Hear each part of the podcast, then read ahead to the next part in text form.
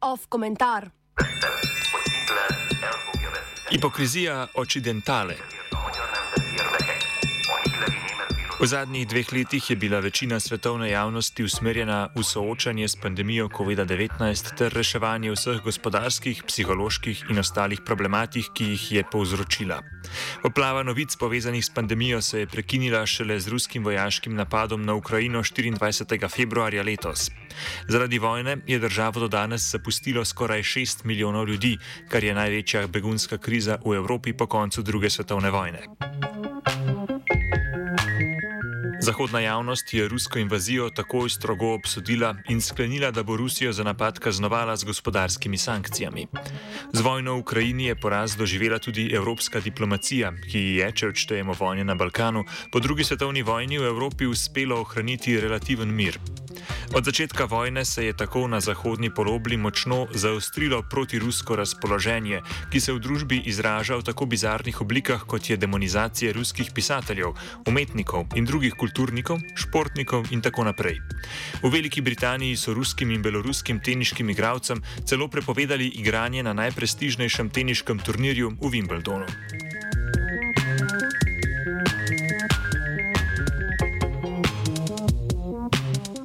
Strah pred Vladimirjem Putinom in rusko agresijo je v zadnjih dveh mesecih močno prisoten tudi v slovenskem družbeno-političnem prostoru. Del slovenske javnosti se je zaradi bližine in domnevnih kulturnih podobnosti v tej težki situaciji poistovetil s prebivalci Ukrajine, kar je vsaj na prvo žogo hvale vredna in empatična drža.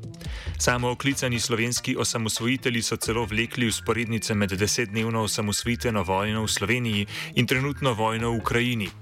Toda takšen odziv je zgodovinsko in globalno gledano iz različnih razlogov izjemno problematičen. V oči najbolj bode odnos do ukrajinskih beguncev, ki jih je slovenska družba sprejela z odprtimi rokami in jih na ta način kategorizirala kot prvorazredne begunce. Vsi namreč vemo, kako se je Slovenija odzvala, ko se je leta 2015 začela begunska kriza v Balkanskem koridorju in da je situacija tako zelo eskalirala, da je bila na južni meji postavljena ograja, ki ljudem preprečuje, vsaj po standardih nacionalnih držav, neregularen vstop v državo. Begunci, zaradi katerih je takratna Cerarjeva vlada na mejo postavila ograjo, večinoma prihajajo iz držav, v katerih so vojaško intervenirale ZDA. Koalicijo voljnih, ki je leta 2003 podprla ameriško intervencijo v Iraku, je podpisala tudi Slovenija.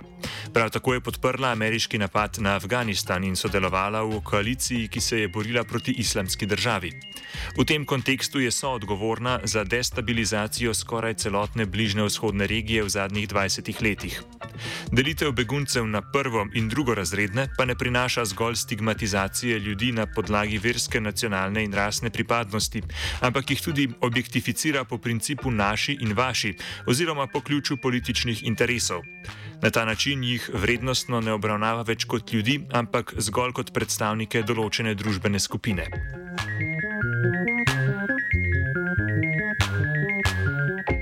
Drža Slovenije je izjemno problematična tudi v kontekstu odnosa do ostalih vojaških spopadov, ki se ta hip dogajajo po svetu in v katere je zaradi članstva v NATO tudi neposredno upletena.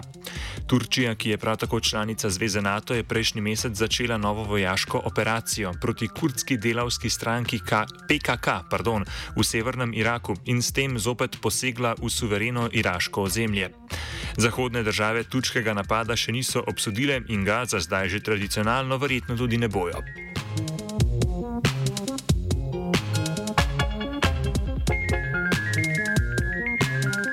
Niti trenutni konflikt v Iraku, niti vojna v Ukrajini se po številu smrtnih žrtev in ljudi, ki živijo pod pragom revščine, ne more primerjati s humanitarno katastrofo, ki smo ji priča v Jemnu.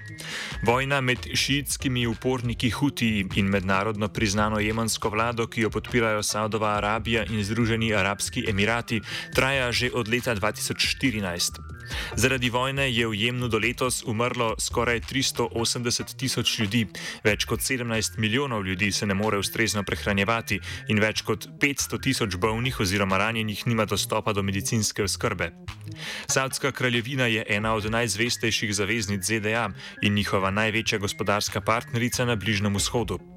Državi sta leta 2017 podpisali sporazum o prodaji orožja, za katero bo Saudova Arabija američanom v desetih letih plačala 330 milijard evrov. Saudici torej z ameriškim orožjem obstreljujejo tako civilne kot tudi vojaške cilje v Jemnu. Združene države, ki so ena od ustanovnih članic Zveze NATO, tako posredno sodelujejo pri jemenski humanitarni katastrofi.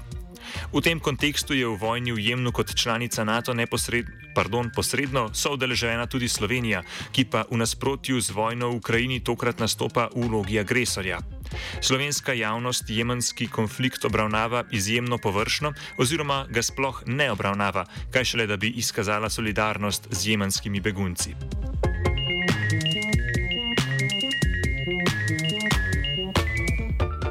Evropski in s tem tudi slovenski humanizem ter sočutje do sočloveka v stiski se potem takem končata na mejah Evrope oziroma se orientirata po kompasu Zveze NATO in njej zvestih držav.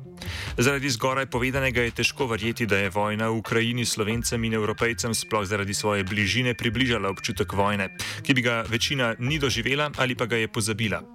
Z vojaškim spopadom na evropskih tleh je še največ pridobila orožarska industrija, saj se je veliko držav članic Evropske unije odločilo za dodatno oboroževanje. Komentiral je Finn.